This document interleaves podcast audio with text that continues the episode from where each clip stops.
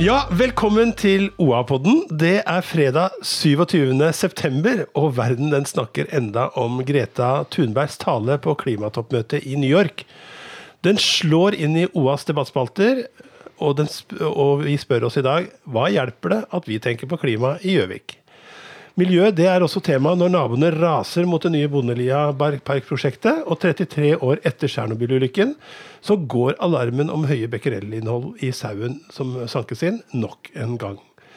Det blir som du skjønner klima- og miljøekstra i OA-podden i dag. Mitt navn det er fortsatt Erik Sønsterli, og jeg har fortsatt med meg Stina Håkensbakken Roland.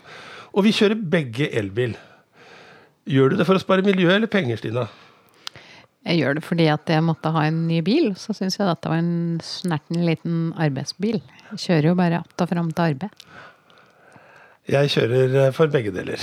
Ja. Eh, både for okay, klima si og for klima. Men eh, jeg kommer ikke til å gå til en fossilbil igjen. Med oss i studio i dag så har vi Kristin Stavik Moshagen. Hallo. Rett fra frontsjefplass og reporterjobb der ute, og rett inn i OA-studio. Godt å ha deg med. Takk. Og godt også å ha med eh, nestlederen i Nei, unnskyld, fungerende leder i, eh, i eh, Vest-Oppland Natur og Ungdom, Mia Fossen. Hei, hei. Er du vår Greta Thunberg? Kanskje det. Ja, det skal vi høre mer om. Eh, eh, og kanskje la oss starte der. Hvor mange er dere? Hvor aktive er Vest-Oppland Natur og Ungdom? Ja, vi har jo vi har ikke det største lokallaget, men vi har jo en kjerne som er ganske aktive. Uh, som kommuniserer og prøver å få til ting hit og pinne. Og så er vi jo alltid åpne for nye medlemmer, da. Mm. Du var en av de som sto i bresjen for klimastreiken i mars, var det vel? Ja. Og nå har vi lagt valget bak oss. Uh, hvor engasjert er ungdom i klima- og miljøspørsmål her i Vest-Oppland? Jeg tror egentlig at det er flere enn folk tror. Fordi mange har kanskje ikke et sånn veldig bevisst forhold til dette, men de tenker så har sånne små ting de tenker på på en annen måte enn voksne gjør. Da. De tenker kanskje at oh shit, nå, jeg, nå, har jeg gjort noe som kanskje ikke er så bra, kanskje jeg burde slutte å gjøre dette. Og sånn som hvis du ser på folk som går og er vegetarianere for miljøet, så har jo jeg kjempemange vegetarianervenner rundt meg. Så folk gjør mer enn man skulle tro. Tidligere denne uka så, eh, tror jeg alle har fått med seg eh, videoen og artiklene om Greta Thunberg, denne unge svenske kvinnen. Eh, fortsatt tenåring, som på mange måter har tatt klimaspørsmålet til et nytt level, egentlig, og satt på agendaen fra Gjøvik til Singapore, hadde jeg nær sagt, og, og til USA. Hva har du fått med deg av det? Hva tenkte du når du så henne, Kristin? Jeg tenkte jo at det var veldig engasjert. Eh, imponerende eh, jente, rett og slett. Eh, jeg har jo fått med meg i etterkant at eh, det er kritikk mot mor, og hvem er det som fører henne fram, og, og liksom øver henne liksom Skaper Greta Thunberg, da. Men eh, som mor, det er ikke lett å styre unga dit du vil. De har veldig sterk vilje selv. Eh, så dette er jeg helt overbevist om er Greta Thunbergs egen vilje. Stina, hva tenker du? Du har også fulgt dette. Er det litt sånn, litt sånn stråmannsargumentasjon når man går løs på barnet, altså snakker om mor og alt annet rundt, at det er noen som står bak henne?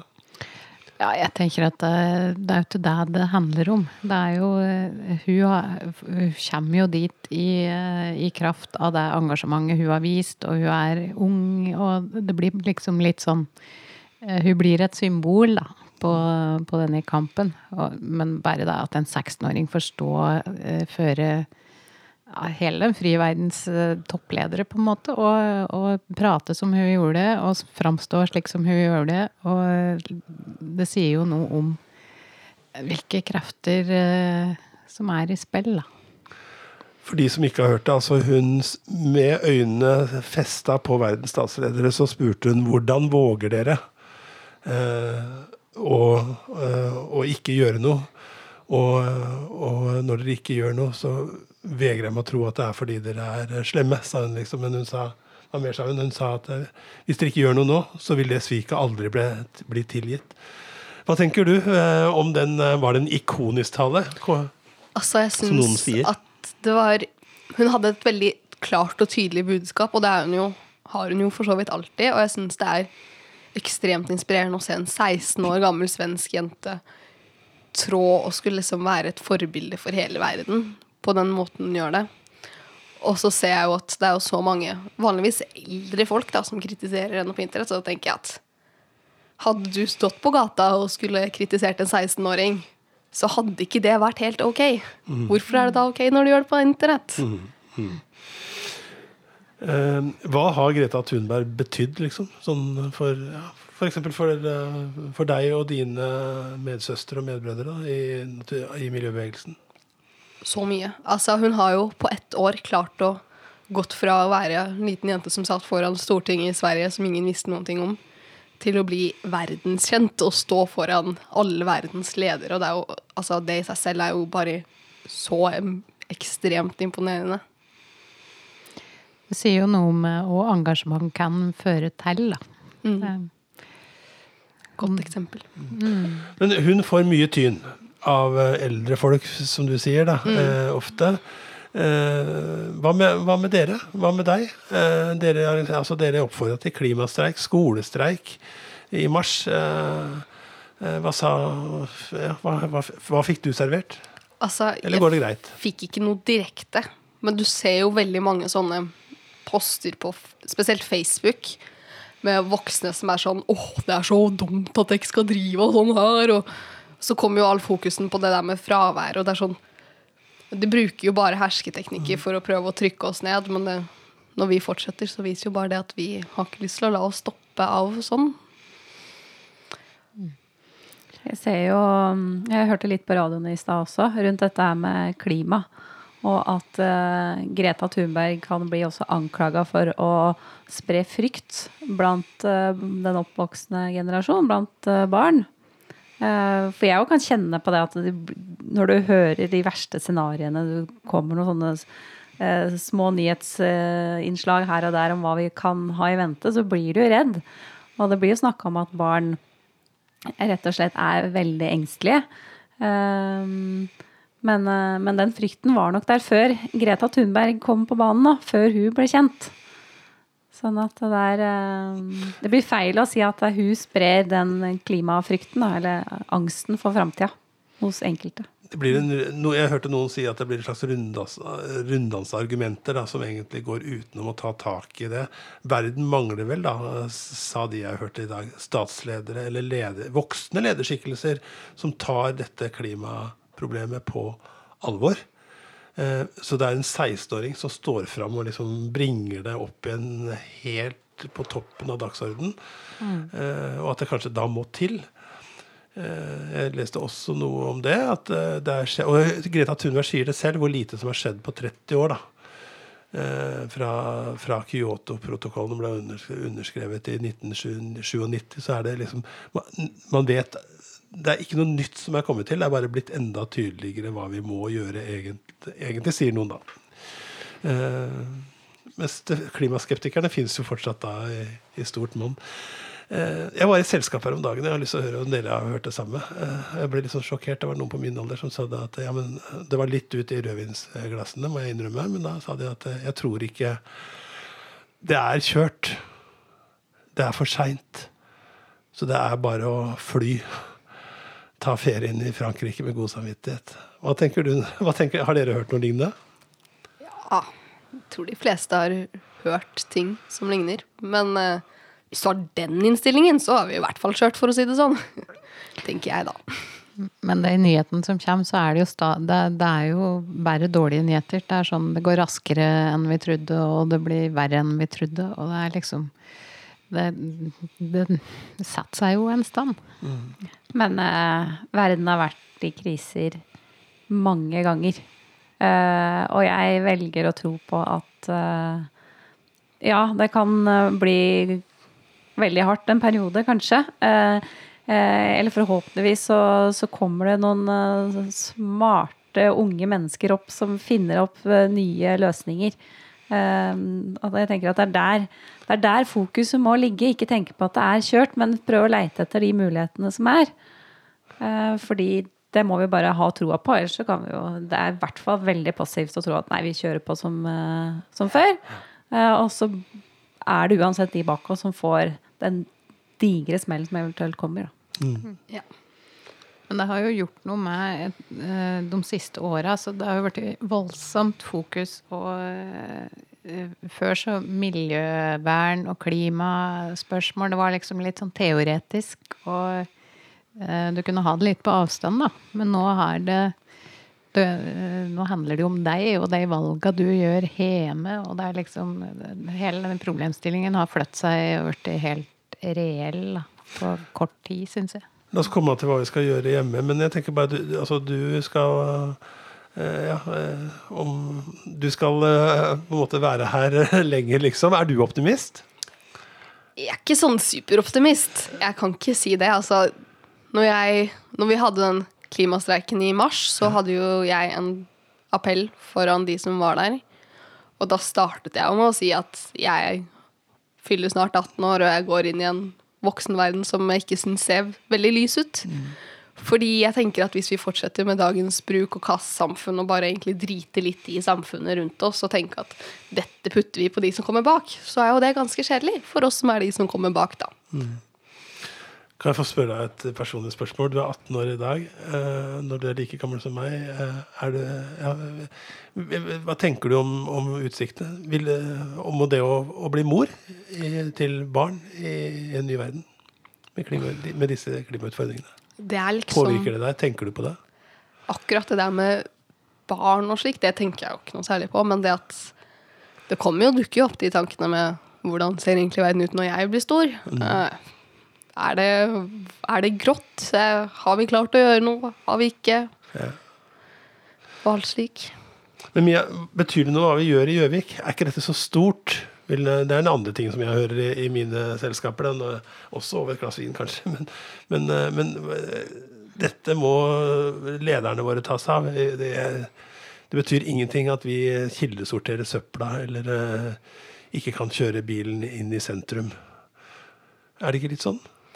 Eller? Jeg tenker ikke det. Jeg tenker at alt det hvert enkelt individ gjør, hjelper i fellesskapet. Hvis alle vi fire rundt her f.eks. slutter å spise kjøtt, eh, og kanskje vi også blir veganske og ikke spiser noe dyreprodukter, så vil jo vi Det vil kanskje ikke hjelpe mye, men det vil hjelpe litt. Og hvis du da har et samfunn hvor flere folk er mer åpne til å prøve ut sånne ting for å gjøre klimaet bedre, så vil jo det også gjøre for at jo flere som gjør det, jo mer påvirker det. Så selv om du tenker at nei, jeg trenger kanskje ikke Ser ikke helt poenget med at jeg skal slutte å kjøre bil når jeg skal til jobb, liksom. Så kan jo det også ha en effekt. Det har kanskje ikke den største effekten, men all effekt gir jo en større effekt. Hvis det er mye av det. Hva tenker du, hvordan ser, du, hvordan ser Gjøvik ut eh, om eh, 40 år, eh, Kristin? Med hensyn til, Går vi rundt med gassmasker? eh, Kjører vi bil? Eh, eller tar alle buss, eller hva?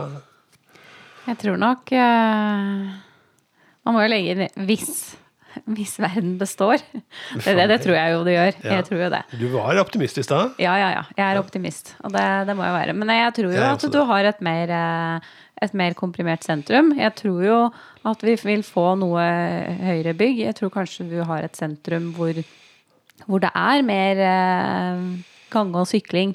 Ikke så mye biltilrettelagt, for det ser vi jo at de, de planlegger for nå. Um, ja. Men, eh, men i forhold til eh, det vi gjør hjemme eh, Mange av oss, meg sjøl inkludert, kaster altfor mye mat.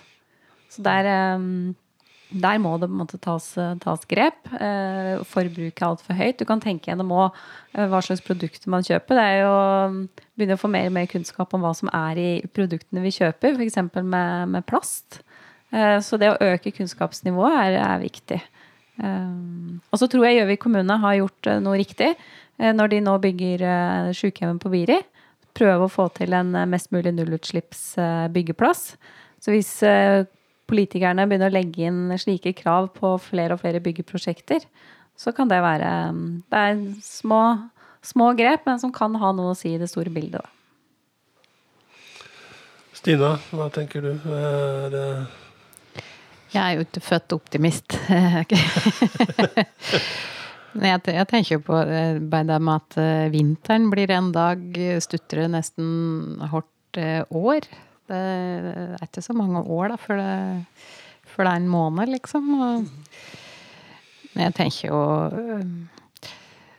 vi Oppi her tenker jeg at vi er øh, mye heldigere stilt enn i Det er jo deler av verden som virkelig begynner å kjenne på stigende hav og, og temperaturer og, og stadig ja, denne sjølforsterkende effekta av øh, mekanismer som slår inn, da.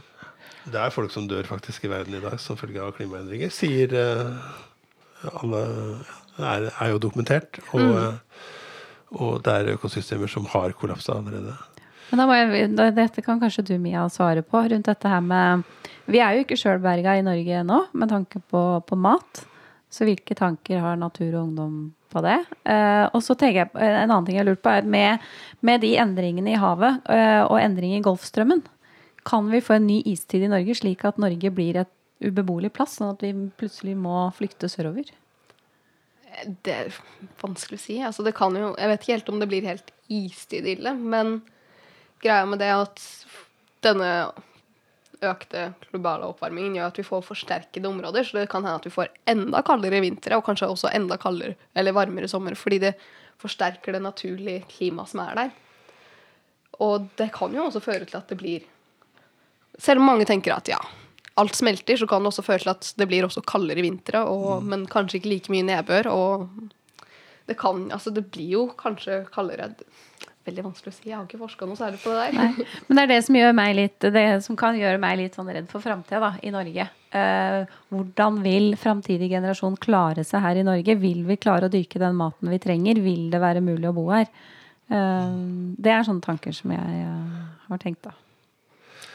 Ja, et, vi beveger oss litt videre. Men jeg kan si litt om hva jeg, snakket, Vi har jo to klimarådgivere i Gjøvik kommune eh, nå, som er engasjert de siste årene. Og han, eh, Henrik Brennhaugen Jacobsen eh, er den ene av de, tror jeg. Og han, han sa vel at hans mål var at Gjøvik skal fremstå som, eh, som den mest miljøvennlige kommunen i Norge. Det er liksom ambisjonen.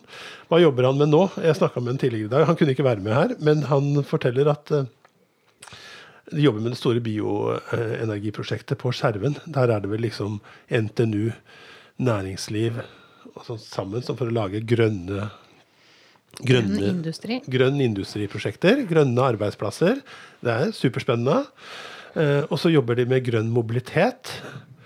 Eh, de- fant vel ut her i fjor at 7000 arbeidsreiser vil gjøres hver dag. Eller 7000 reiser i Gjøvik eh, gjøres hver dag. Hvor du egentlig bare flytter deg mindre enn 3 kilometer. Så hvordan inspirere oss, eller få oss frivillige til å på en måte bevege oss over på kollektive løsninger eller, eller sykler, eh, eller med beina fatt. Så det, og det, leste vel noen det at vi har en sånn by eh, elbil, nei, elsykkelprosjekt som vi har i Gjøvik nå. Og så fortalte han Dette er jo en nyhet. eh, at eh, Gjøvik kommer til å bli først ute med en eh, premieringsordning. Sånn, sånn at hvis du velger kollektiv eller grønne reiser, så kan du på en måte løse inn premien din. Få poeng, løse inn premien din i den lokale handelsstanden. da. Så overført til min verden, da. Så hvis jeg gjør Hvis jeg sykler masse til jobben istedenfor å ta den bilen, så kan jeg kanskje få en caffè latte og ei eplekake på bare brød eller noe sånt. Eh, ja, eh, noe i den duren. Hva tror du om det? Er det en måte å få folk med på? En god idé, tenker jeg. tenker jeg. Ja. Ja. Redder ikke verden, men et lite grep. Du redder deg selv òg. Altså kroppen din har jo ikke noe imot hvis du velger å sykle og gå. Eh, Ikke sant? Så da kan du unne deg den eplekaka eller latten på bare brød. Det er jo noe som kanskje kan være med å bidra til å øke bevisstheten da, om dine eg og du gjør sjøl. Du ser jo det at eh, hvis du skal kjøre tre kilometer til arbeid, så, så kan det jo være andre muligheter for å komme seg dit. Hva, dere jobber litt med det, med kollektiv, eh, bedre kollektiviteten, eller jobbe for bedre kollektivtilbud. Gjøvik, gjør det ikke det? At det er Ja, det er et av de målene som vi liksom setter oss og tenker at dette skal vi jobbe med. Fordi, og da tenker vi at vi har lyst til å ha eksempel busser som går senere, og som kjører mer ut til distriktene. Eksempel, jeg har bodd på Kapp i mange år, og hvis jeg da ville dra på kino på en lørdagskveld, så kunne jeg dra dit, ta bussen dit, men det gikk ingen busser etter klokka sju, så da måtte jeg jo uansett bli henta. Så det er sånn bare det å sette inn senere busser, spesielt i helgene, så kan folk ta bussen hvis de skal hjem fra fest eller kino, eller hvis de bare har vært på liksom vært ute og spist en middag på Gjøvik, på en måte. Det å kunne ha muligheten til å kjøre kollektivt gjør ganske mye. I tillegg så er det mye enklere for du slipper å stresse foreldrene dine når de må ut og hente deg, og så er det sånn Åh, må jeg ut og hente deg i dag òg, liksom? Jeg bor jo et, en halvtime unna, og skulle jeg kjøre kollektivt på jobb, så hadde jeg brukt eh, 10-11 timer eh, av dagen på, på å komme meg til og fra jobb og være på jobb. Ja, det, ja, sånn at det er, det er veldig dårlig utbygd utafor sentrum òg. Det samme sliter de med på Lillehammer. Eh, Jeg vet om en ung kvinne, antagelig midt i blinken for det man ønsker. Man ønsker jo liksom å rekruttere unge nye til steder som Gjøvik og Lillehammer. Som, eh, som har gjort det. Flytta fra Oslo til eh, Lillehammer. eh, Fått seg jobb, men sliter veldig liksom for at du er helt avhengig av bilen, selv om du bor da i ytterkjernen av byen. Men det går ikke buss men to ganger i døgnet. Så hun liksom sier at det er jo helt håpløst å rekruttere med at hvorfor skal vi etablere oss her? Når det er eh, Selv en sånn ting fins ikke, liksom. Det tar meg en time med sykkel eh, opp igjen fra jobben eh, til det stedet, da. Og det har jeg godt av, men det er noen ganger som ikke det passer. Ja, så det er, det er masse. Jeg hopper videre. Bondelia park. Gamle som Det skal bygges ny, 60 nye boenheter der hvor dette gartneriet skinner opp i høstmørket når du kjører forbi. Eh, har gjort. Eh, Naboer de opplever at Gjøvik kommune ikke tar hensyn til trafikkøkningen gjennom boligområdet når eh, det nå skal utvikles nye boliger, og truer med advokat. Dette har jo også med miljø, trafikkmiljø, forurensning, kanskje også bærekraft i valg av materialer på nye boligområder. Hva vet jeg. Hva, hva mener vi om dette? Du har fulgt litt med på det, Stina? Eh, Jeg har i hvert fall ført litt med på Bondelia hage, som ja. Boligbyggelaget presenterte sine planer for eh, Det var vel den i Vikoa det òg. Og det har jo en helt tydelig miljøprofil. Der skal det bygges i tre, og det skal være at de prater om parsellhager og fellesfunksjoner og eh, det er et veldig spennende prosjekt da, der, der de virkelig satser på å få generasjoner sammen. Men eh, Bondelia park, da jeg har sett om det, at eh, jeg tenker at, eh, at det kan umulig bli veldig store tomter, da. Hvis du skal klemme 60 enheter inn bortpå der. Men det er jo et kjempefint område. Og jeg, jeg sitter jo ved glasset her på Rambekk og ser ned på denne veien som de er bekymret for, og jeg skjønner hva de prater om. For den er, det er mye trafikk der fra før, altså. Men det er et eksempel det også på den ganske betydelige utbygginga som skjer nå. Vi fikk jo også nyheten nå om eh, at disse Origo-utbyggerne uh, satser stort igjen og bygger 100 leiligheter på Nytorget. Det bygges kraftig, Kristin. Du følger jo litt med på dette her. Eh, har du inntrykk av at eh, bærekraft og miljø og klima og sånt er noe tema rundt disse tingene, eller? Er det Iallfall i sentrum eh, så er det jo det. Der er det jo parkeringskrav og eh, Ja, det stilles en, en rekke krav, eh, krav til leilighetsutbygging. Eh, Og så er jeg ikke helt kjent med detaljene rundt eh, når det er litt mer ut av bykjernen, hva slags krav som stilles rundt eh, parkering for biler. Men man kan jo stille seg det spørsmålet må alle kunne kjøre bilen helt fram til døra si? Før i tida så ble det jo man, vet jo om flere boligfelt her i området som er det er borettslag, men de har felles garasjeanlegg f.eks. Og så må man gå derfra inn til, til husa sine.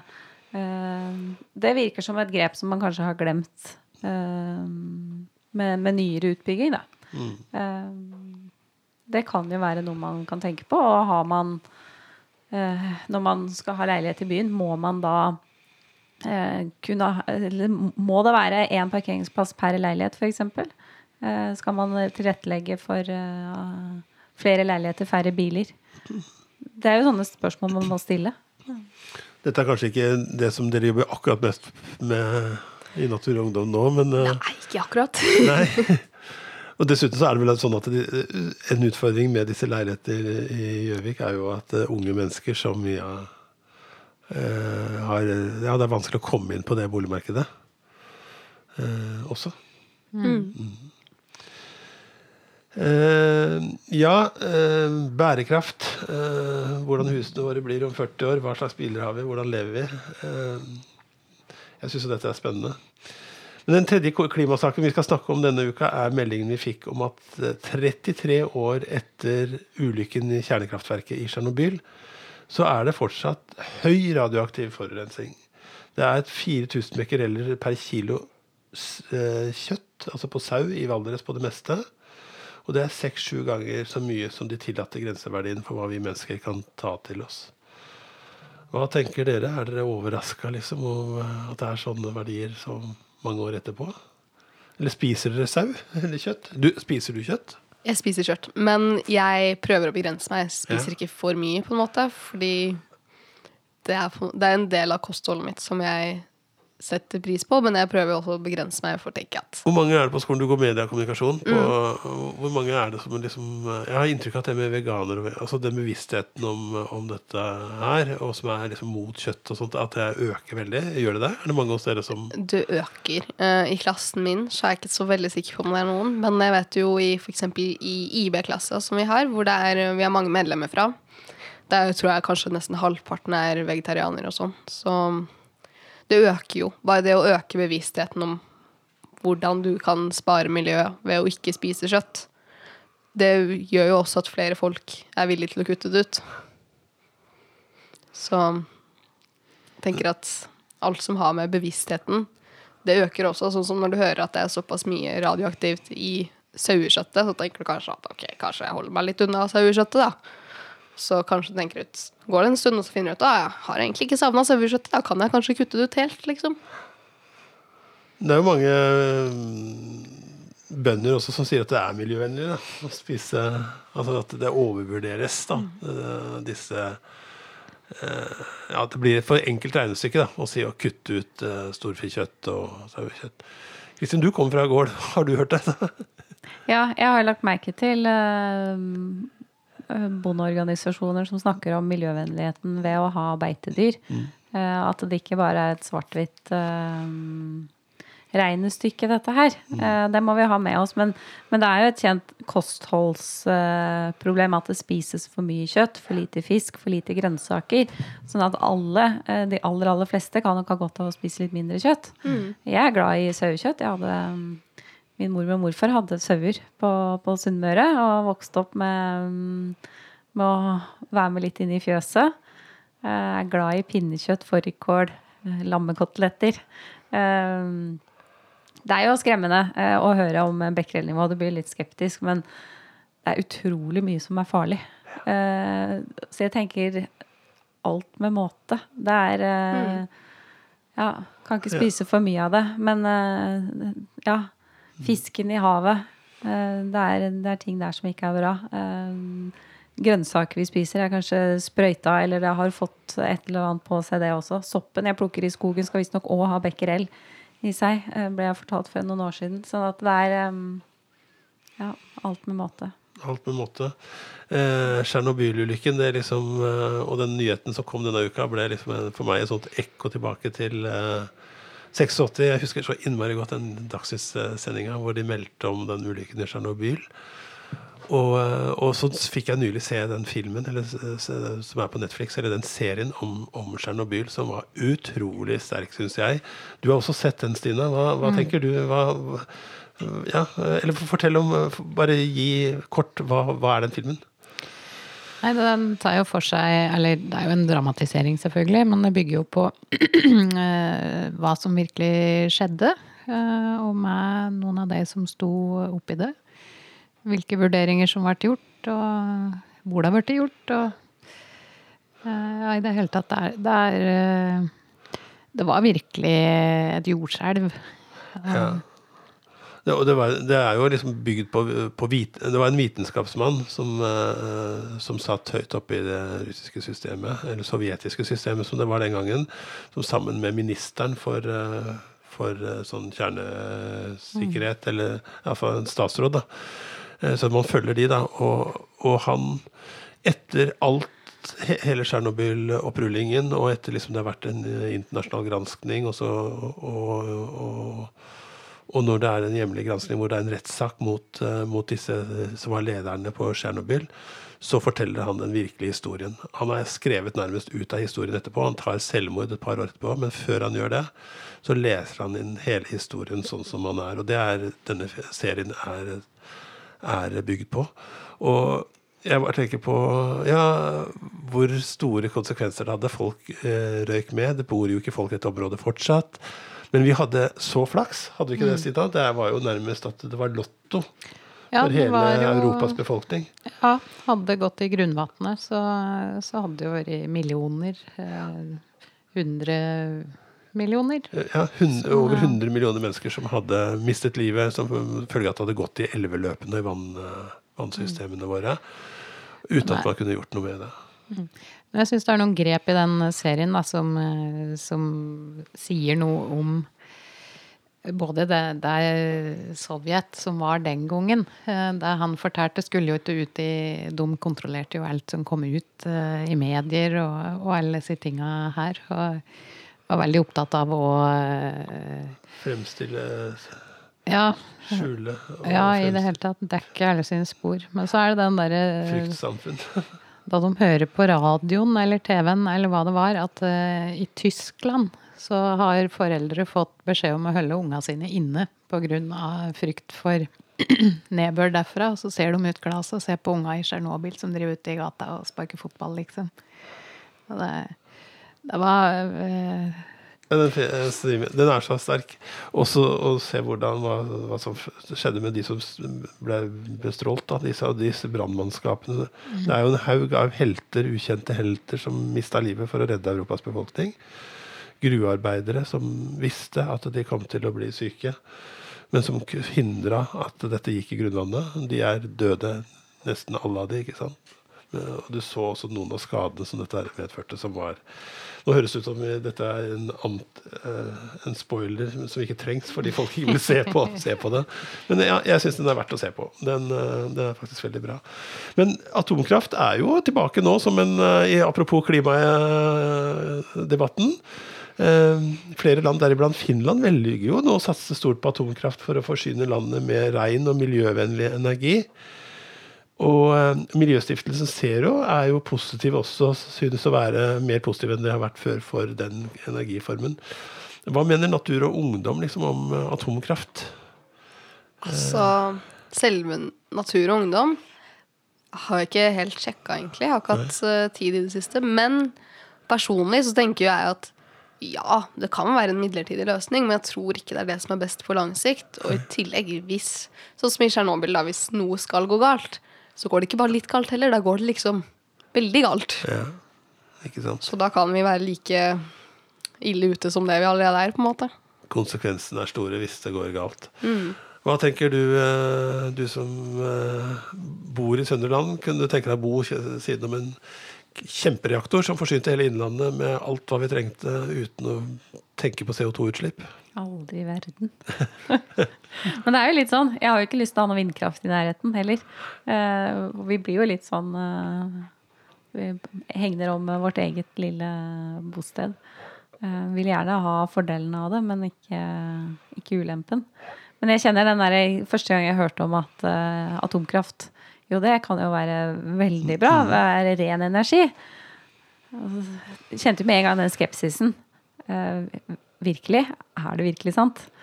Eh, så jeg er enig med deg med at eh, prøv heller å finne andre løsninger. fordi går det galt, så går det skikkelig galt. Og dette med energi er jo et av de virkelig store spørsmåla. Og det er jo kanskje mye det de sier, de som uh, sier at dette må løses på uh, politisk uh, og nasjonalt nivå. At det er jo de som driver og produserer strøm, på svært lite miljømessige måter. Og vi bruker bare mer og mer strøm. I Norge har vi jo heldigvis ganske ren strøm, da. Så, Så tenker jeg at verden er avhengig av en slags både bærekraft og en slags utvikling.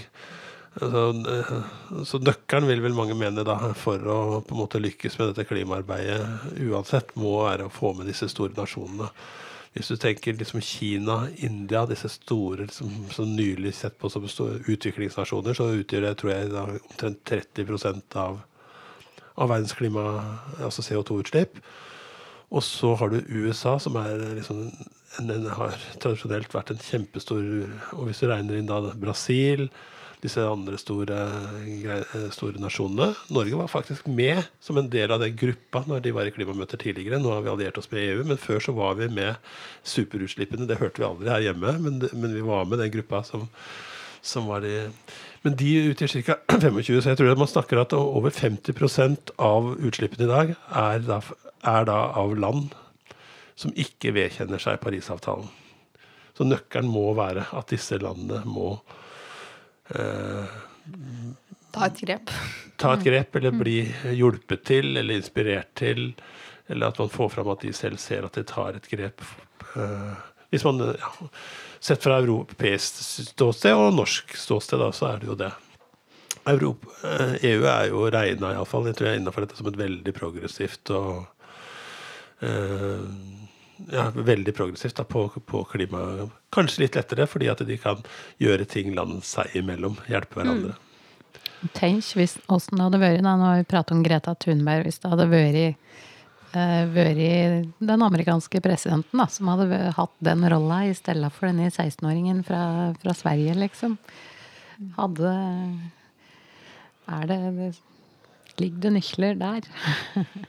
Ja, i USA. Altså hvis hatt Ja, hvis en av disse virkelig store hadde gått Ja. foran i stedet for å drive og latterliggjøre ja, eh, symboler, liksom. tenk at det er vel det. Det er vel at en voksen holder den Martin Luther King-talen som hun på mange måter eh, holdt, kanskje. Jeg så noen har brukt ordet ikonisk om det. Det skriker på verdensledere som tar det ansvaret. Eh, og ikke at vi har det uansett. Ja, altså, jeg så at det, det må være lov å si at uansett, altså det å ta en 16-åring liksom, som at hun altså, ironisere eller latterliggjøre en For det gjorde Trump. Ja. Eh, og sa at hun ser ut som et veldig lykkelig barn. Som gleder seg til en eh, lys fremtid, eller Ja. noe sånt. Mm. jo Det tenker jeg sier alt om, om eh, Det er liksom mobbing i et verdensrekord Ikke eh, verdensrekord i mobbing. Jeg syns det var et fint lite ordspill der. Eh, det var et bilde av eh, Trump. He's trying to be great. This is Greta. Så ja, ikke sant? bare litt uh, Great og Greta er jo, bare, det er jo de samme bokstavene, bare litt uh, bytta om på hverandre. Når vi hadde streiken vår, så var det noen som hadde en plakat hvor det sto Jeg tror det sto 'Make the world Greta again'. Ja. Det blir jo litt det samme. Så kan man mene forskjellig om disse, tingene, men jeg tenker alle de som skriver inn i Facebook-feeden til, eh, til OA, eh, som på nettkommentaren og alt sånt, og liksom tar tar henne eller tar andre. Altså, vi er jo utrolig flinke til å ta personene. Eh, de, vi, vi rydder Og vi får litt kjeft av og til for at vi ikke er flinke nok til å moderere. Vi modererer på harde livet egentlig av og til, og særlig hvis temaet er innvandring eller klima. Av en eller annen merkelig grunn så er det et slags slektskap hvor skillelinjene i norsk politikk går der. Og på begge de områdene så er det jo en slags informasjonskrig. For det er jo og disse her eh, mema og plakater som går rundt, og det er jo Noe av det er jo eh, Folk deler helt ukritisk eh, veldig feil ting som på en måte bare støtter opp under det de tror, da. Folk har veldig lite kildekritikk når det kommer til sånne ting. De hører det de vil høre. Og jeg tenker liksom, når du har da mann på 63 år som kommenterer på Facebook-feeden til OA eh, om Greta Thunberg, så tenker jeg at det er litt respektløst. Det er ikke du som skal leve på denne planeten i 90 år til, kanskje, hvis det blir sånn at livslengden øker. Du skal kanskje bare leve her i 30 år til. Så skal du da stå her og kritisere noen som prøver å gjøre sin egen framtid bedre. Må, akkurat som at jeg skal prøve å ha respekt for de som kommer etter meg, så vil jeg jo at de som kommer, har kommet før meg, også skal ha respekt for meg.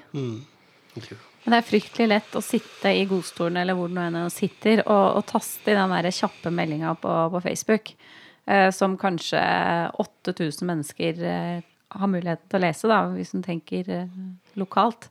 Um, hadde det mennesket stilt seg opp på en scene foran 8000 mennesker og ropt ut det samme, hadde jo ikke gjort det. Hadde ikke det. Så det er, en, det er en sperre som er helt borte, som folk ikke innser rekkevidden av når de skriver på Facebook. Folkens, jeg har lyst til å dele ut blomster jeg nå. Vi skal kanskje ikke dele det ut til disse her som er rebeller i kjellerleiligheten sine, eh, for å holde oss til sånn Karpe-uttrykk. Eh, Men eh, ja, noen som trenger det, noen som fortjener det. En eh, blomst i, eh, på fredagen. Er det noen som har noen gode kandidater? Ja, skal vi se. Greta Thunberg, da. Syns hun fortjener blomsten for at hun klarer å holde seg gående når hun har så mange folk rundt omkring i verden som hetser henne så mye. På akkurat samme nivå som f.eks. Lan Marie er det Bergen heter, mm. fra Oslo, som også har fått masse hat på internett for å gjøre de samme tingene. Det er sånn Bare det at de klarer å stå gjennom det, syns jeg er ekstremt imponerende. Så de fortjener en blomst. Vi, har, eh, vi fikk et leserinnlegg som jeg syns eh, var så fint fra, fra Britt Solheim ja. i Gjøvik. Som eh, Hun forteller egentlig om den takknemligheten som jeg kjenner på etter, eh, etter å ha, ha vært kreftpasient. Eh, takknemlighet for eh, norske helsevesenet og den behandlinga hun har fått. Da. Hun skriver at den behandlinga hun eh, fikk, den ville i USA f.eks. hatt en egenandel på 1,4 millioner kroner. Og her får du den gratis, liksom. Ja.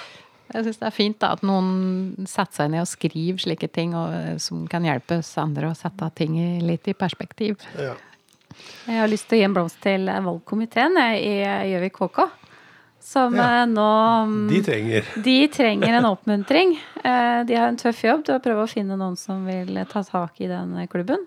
Eh, Nå har vi hatt det store perspektivet på miljø, men det er viktig i den hverdagen vi har, at, og for barn og ungdommer, at de har et tilbud. Og da trengs det ledere. Det trengs voksne som gidder å bruke noen timer hver time på å organisere.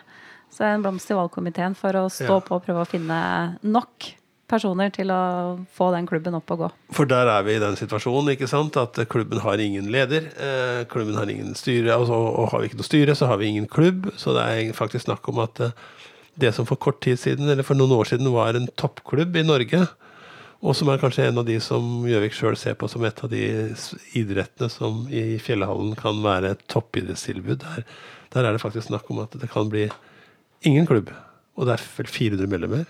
De er mange, og de er som, eh, som trener for et lag i Søndre Land, så liker jeg jo ikke møte Gjøvik KK. Eh, Men for de er gode, de er tøffe. Eh, Vi vil Så Men det er, det er mange dyktige trenere og flinke unger eh, i den klubben, og de fortjener et tilbud. Og i fjor spurte de 70 stykker. Alle 70 stykker sa nei. Så løste det seg, men nå er det problemer igjen. Lykke til, Gjøvik håndballklubb. Ja, eh, skal jeg, jeg har lyst til å dele ut blomster, ja. Ja. Kan, nei, eller vil du dele ut? Jeg tror vi skal vi har, Nei, ja, jeg tror vi skal ta samme. ja, Det er noen som ikke så ofte får blomster, da. Nei, si. Får pepper eller penger. Ja. Eh, Kristin Sveås, er det han du tenker på? Mm. Ja. Det er Twist på Kiste- Kistefoss. ja. Det er, dit skal jeg. Det er, det er så kult Ja, eh, at de har fått til dette der. Det er, eh, det er et kunstverk som er ei bru og en kunsthall, som jo kommer til å romme veldig bra av navn av våre samtidskunstnere. Og jeg tror han har spytta inn mer enn 160 millioner kroner sjøl. Kristen oss. Og så er det noe med Han har brukt liksom, kanskje en av vår samtids store arkitekter, han eh, Bjerke mm, Ingels. Og han er vel spesialist på det at det ikke bare er kunstverk, men det, det skal være noe annet. Et, noe som funksjonerer. Det er jo litt bærekraftig, Mia, er det ikke det? Jo da. Ja, hvis det, er, hvis det er bærekraftig på alle andre måter, sjølsagt. Men jeg syns jo det er litt Jeg synes det er en, det er en twist for meg. Kan man tegne et, eh, et renseanlegg, var det vel, i, i København, som også er en skibakke. Så gøy. Ja. Ja. Det er bra, altså. Og det er jo helt, eh, helt fantastisk å plassere et sånt kunstverk og, og en, en slik sånn utstillingsplass for norsk kunst på Jevnaker. Det er gave. Blomst eh, En blomst til han som brukte 160 millioner kroner på det. Ja eh, Det begynner å nærme seg slutten. Skal vi, hva, hva skjer egentlig? Jeg begynner å komme i litt sånn festival Det har vært mange festivaler på Gjøvik. Eh, jeg hadde tenkt meg på akevittfestival, men det ble det ikke noe av, Stina. Jo, det blir Jo, det blir akevittfestival, men det blir ikke det, det, blir ikke det rekordforsøket Nei, på, det- på smaking av akevitt. Men vi trodde kanskje at det var uh, drikking som det var verdensrekordforsøk i. Men det var jo ikke det. Nei, det var øh, Ja, de skal jo drikke, for så vidt. Men det var jo ikke mengde. Det var snakk om per hugge, i hvert fall. Men øh, det, det er avlyst. Det ble ganske sterke reaksjoner. Eh, Det var ikke alle som syntes det var noe god argumentasjon. Vi får bare gjenta for de som ikke har hørt om det. Eh, Altså, det var, var, hvor mange var det? 5000 mennesker som skulle samles i, i, fjell, i fjellhallen for å prøve for å drikke Eller var det motsatt? Jeg lurer på om det var 3000 som skulle drikke fem akevitter. Hver Ja. på 20 minutter. Og da ville det bli verdensrekord, fordi Malmö hadde den gamle rekorden. Og dette reagerte Finn Olav Roligårde, avtroppende varaordfører og leder av Politiets fellesråd og sentral i det rusforebyggende arbeidet i Gjøvik, sterkt på. Han syntes at det var helt det var Den verdensrekorden kunne de bare med Roligordes ord drite i. Det er sterke ord fra hans side. Um, så var det vel slik at det var litt kommunikasjon. Line Kildahl og byen vår Gjøvik, som jo har stått på for denne prøvde å kommunisere i etterkant at det var liksom ikke det var, en halv, det var en halvt rammeglass, da, så det var mer smakingen og kvaliteten. Men ikke kommunisert kanskje godt nok, da. Men de avlyste hele. De vil, ikke, de vil samle og ikke provosere. Ja. Eh, ja, mye om det. Vi ga vel henne en blomst eh, Førvik òg, ja. for, forrige på uke for dette prosjektet, eller? Ja, det var jo noe med eh, Jeg syns det ble litt stormete drammeglass, jeg, hvis jeg får lov til å si det. Men uh, Line Kildahl og de andre som jobber i byen vår Gjøvik, er jo flinke til å skape arrangementer og blest hele året rundt. Det må vi huske på. ja. Så De det kan er flinke var- til å gjøre jobben sin. ja. Det ble litt sånn kjøttkake på gaffel, på en måte. Og Ja. Prøver å få til et verdensrekordforsøk, og så blir det skutt ned i full fyr. Men, men denne helga, da? Hva skal vi gjøre da? Mias, hva skal du gjøre i helga? I helga så skal jeg være med lillesøsteren min på kunstløpkonkurranse på Lillehammer. Oi! Det hørtes spennende ut. Ja, det blir gøy. Er det kunst, eh, bra kunstløp? Det er det jo på Gjøvik. Har vært det i mange år. Eh, ja, eh, jeg gikk der før, men jeg har nå slutta, for jeg hadde ikke helt tid lenger. Um, og lillesøsteren min hun bor i Bærum, så hun går nå for Bærum. Så da skal vi til Lillehammer kunstløpklubb på konkurranse der. Stina, det er, jeg har hørt lite om kunstløp på deg og dine, men jeg har hørt mye om håndball og fotball. Eller? Mhm. Ja. Nå har begge mine har hatt eh, vannkopper ei uke nå, så akkurat i helga blir det ikke noe større utskeielser. Og du skal i en med dine, Kristine? Det blir eh, Jeg står foran noen aktive idrettsdager med friidrettsstevne i morgen og håndball. Vi skal på den store håndballkamp på Lillehammer mellom Elverum og Paris med 12 000 tilskuere, så det gleder jeg meg til. Så skal vi arrangere idrettsskole to dager i kommende uke, så at det blir, eh, blir litt planlegging og litt jobbing med det i helga. Ja, hva anna skjer, da? Eh, Det er eh, Jeg ser det er veldig mange som i hvert fall er interessert i arrangementet. De har åpnet mm, møbelfabrikken eh, på Dokka, der de produserer Brattrudstolen. Som nå blir solgt av Fjordfjesta, er det vel. Så der er det lagersalg. De stolene er jo apropos ikon. Eh, og så er det Father Finest med ny plate. Lanseringsfest i Oslo. mm, Står det her på lappen. Jeg tror Frode Hermanrud skrev litt om det her øh, i går, var det vel? Ja. Så er det der mye forskjellig. Forhatten er i gang igjen på Kafka, MB Normann denne helga her. Så er det lørdagskonserter i Drengestua. Der står det at eh, vår egen Frode Hermanrud, som vel er aktiv trommeslager i Anita and the Latest uh, Frames. Flames. Flames. Med Leif An- Anders Wendsel. Ja, det Du verden. Dette må vi Når vi kommer ut fra studio her, så må jeg bort og sjekke ut dette. Dette kunne jeg tenkt meg å høre på. Hvis ikke så drar jeg på Carmen med Didrik Solli Tangen og Beranek, som forteller i Kulturhuset på Gjøvik. Ja. Progrock på Hemad. Glow. Ja. Levi Bergerud på Retro. Oktoberfestival på Beitostølen. Og Raufoss har hjemmekamp mot KFUM på søndag. Da må de vinne, vel. Det er på Må, tide. må ikke se på meg. Men det er musicals i Hoffkirka. Det må ikke glemme. nei, ok. Det er mye som skal skje, og så ønsker vi at folk er ute og tar i bruk høstnaturen, tenker jeg. Jeg ser klokka går, så kanskje skal vi runde av der? Du som bestemmer. Ja, eller du, er det noe annet du vil ta med før vi Nei, Vi må jo nesten ta med at det er tango for to på, på Dokka. Takk. Med Gaute Ormåsen. Og så er det verdenspremiere på Friscena. På uh, nye prosjektet til Martine Kraft og Nils Jørgen uh, Nygaard Kraft, heter den nå. Som har en time opp med Sven Andrén, som eh, er god på elektronika. Og de har jo, eh, har jo vært mye i USA og driver med noen prosjekter sammen med mm, indianere, faktisk. Så nå har de, eh, skal de vise og spille noe nytt, og har fått med seg en danser derfra. Som er kåret ti ganger til verdens beste jingle-danser. Jeg vet ikke helt hva det er, men Det høres bra ut. ja, det blir helt sikkert uh, spesielt. Det var bra at vi fikk med oss dette.